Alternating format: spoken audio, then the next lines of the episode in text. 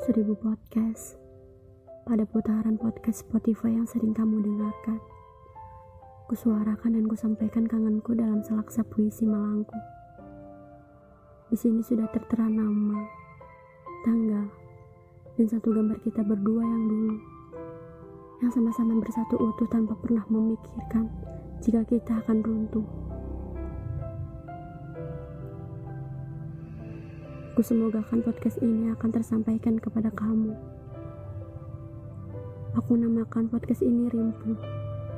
Karena kangenku ini memang sudah kepalang tua sekali. Dan selalu menyiksa tanpa ampun.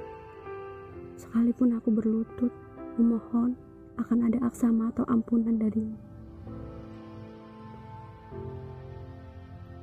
Sekarang kita adalah manusia yang saling pasrah Aku yang sedang belajar mundur, belajar seperti baik-baik saja ketika singgah pada tempat kejadian dan percakapan-percakapan romantis dulu yang begitu meluas perasaan.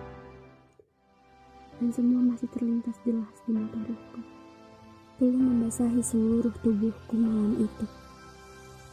Detak jantungku berdetak lebih cepat seperti hidup ini akan tamat. Sampai tak sadar aku tertidur dalam keadaan hancur dan kamu tidak pernah tahu. Jika pun tahu, kamu tidak akan peduli.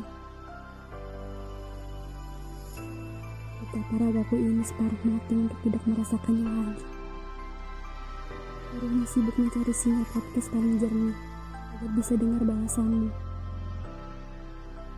Sudah aku bilang, perasaan aku ini egois sekali.